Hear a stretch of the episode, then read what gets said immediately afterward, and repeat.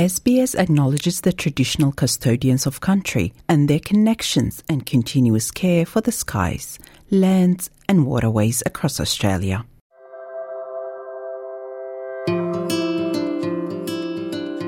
You're listening to Australia Explained, an SBS audio podcast helping you navigate life in Australia. Picture this you sell an asset, maybe it's property, perhaps it's shares, and guess what? It could impact your tax liability. How? Well, that's what we're here to uncover. Uh, when we launched our returns for that year, the ATO came back and said, You have a capital gain. It's Maram Ismail here. Welcome to another insightful episode of Australia Explained. Today, we're diving deep into a topic that affects your financial future capital gains tax, often abbreviated as CGT. When you don't pay uh, your taxes, you know, each of us suffer. So, how does it fit into your income tax return? And why reporting those capital gains or losses is necessary to avoid penalties. Don't miss this episode. It's a financial game changer. Capital gains tax or CGT is the tax applied to the profits from selling assets.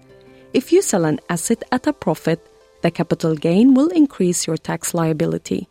Even though CGT has a separate name, it is part of your income tax. Australian tax residents must declare capital gains and losses within their income tax return and fulfill the associated tax obligations. The Australian Taxation Office ATO controls all taxation and revenue collection aspects in Australia. Most people engage accountants for lodging their annual tax returns. Manoj Gupta is a Melbourne based chartered accountant. He explains CGT and how it applies. Uh, capital gains tax is a tax basically that is, is levied by the government, which is on the sale of any assets, uh, and it is on the profit that we make on the sale of those assets.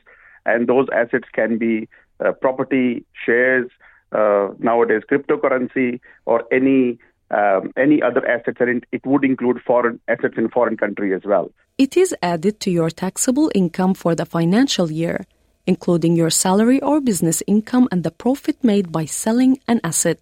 The CGT liability is the amount of tax owed on the sale of an asset.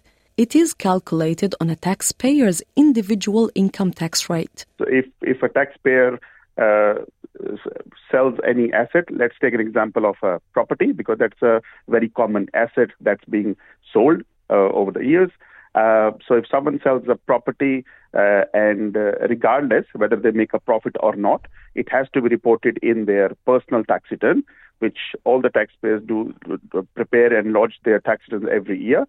To ensure you're meeting your obligations and paying the right amount of tax, you need to calculate the capital gain or loss of each asset you have disposed of, unless an exemption applies.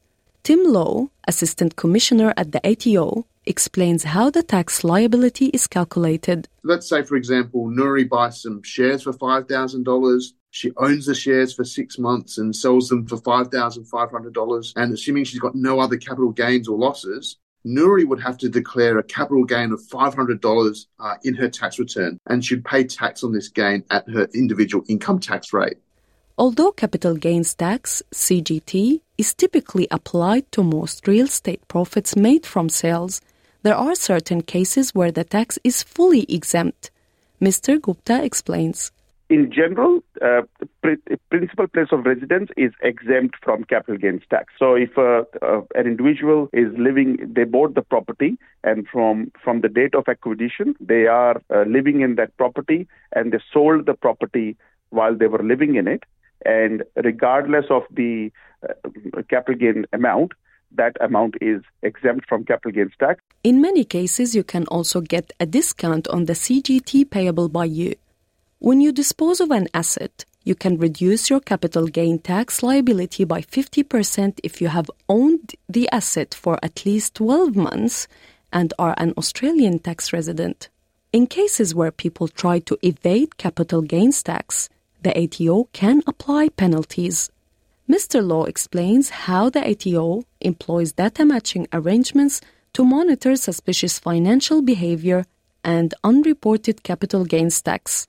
To ensure that people are doing the right thing, we'll receive income data and other data from a range of organisations such as banks, you know, state revenue offices, land title offices, you know, insurance companies, share registries. Uh, we even get information from uh, sharing economy platforms like Uber and Airbnb to make sure people uh, are, are complying with their obligations in relation to their tax affairs.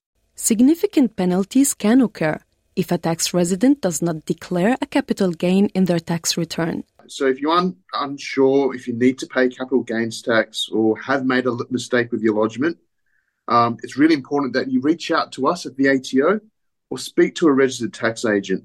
Um, it's really important to know that you know we're not out to get you at the ATO. Uh, we really want to. Uh, we're really here to support you. Uh, get it right the first time uh, when it comes to lodging your tax return. Penalties for evading capital gains tax, just like any other tax, are calculated based on the tax shortfall and individual behavior. The percentage of liability charged is different for each type of behavior. In addition to penalties, the ATO may also charge interest on the tax shortfall. Mr. Law says that the penalty could range from 25 to 100% of the tax shortfall on a case by case basis. If you are engaging in tax evasion, the penalties can be significant. It really depends on the type of behaviour that you're engaging in. Now, if you've made an honest mistake, honest mistake um, the penalties aren't going to be significant. But if you're deliberately gaming the system and deliberately avoiding your obligations, there are significant penalties that range depending on the behaviour.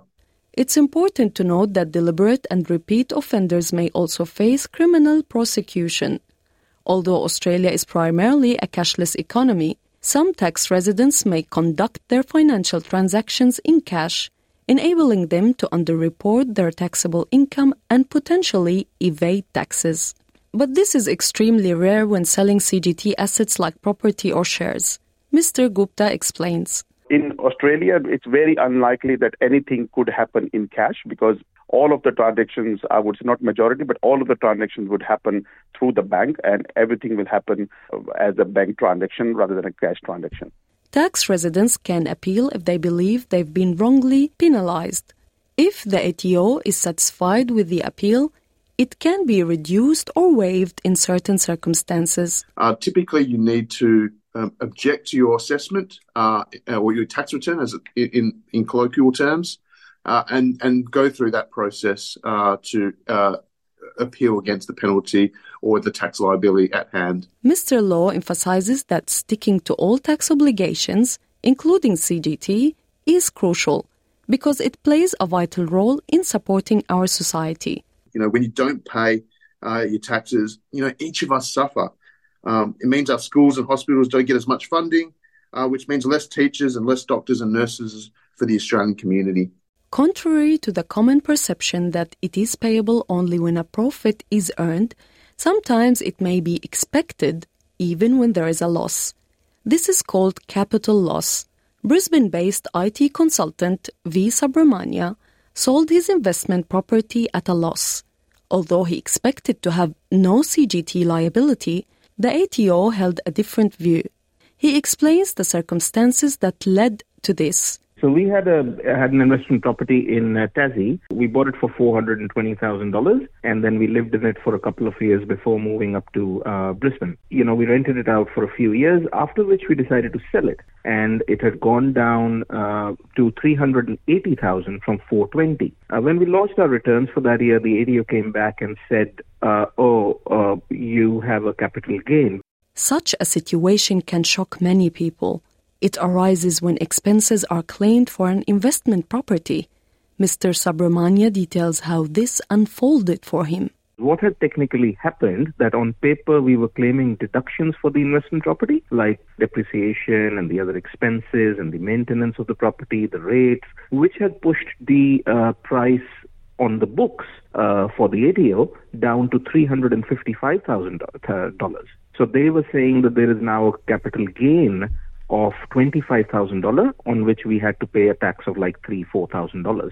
A tax return must be lodged for each income year between the 1st of July and the 30th of June. If you need to file a tax return, lodge it yourself or engage a tax agent by the 31st of October. For more information, you can visit the ATO website, which provides useful information on all tax related subjects in 36 languages. Thank you for listening to this episode of Australia Explained, written and produced by Ruchika Talwar, hosted by me, Maram Ismail. Australia Explained managing editor is Rosa Garmian. Until next time. This was an SBS audio podcast. For more Australia Explained stories, visit sbs.com.au slash Australia Explained.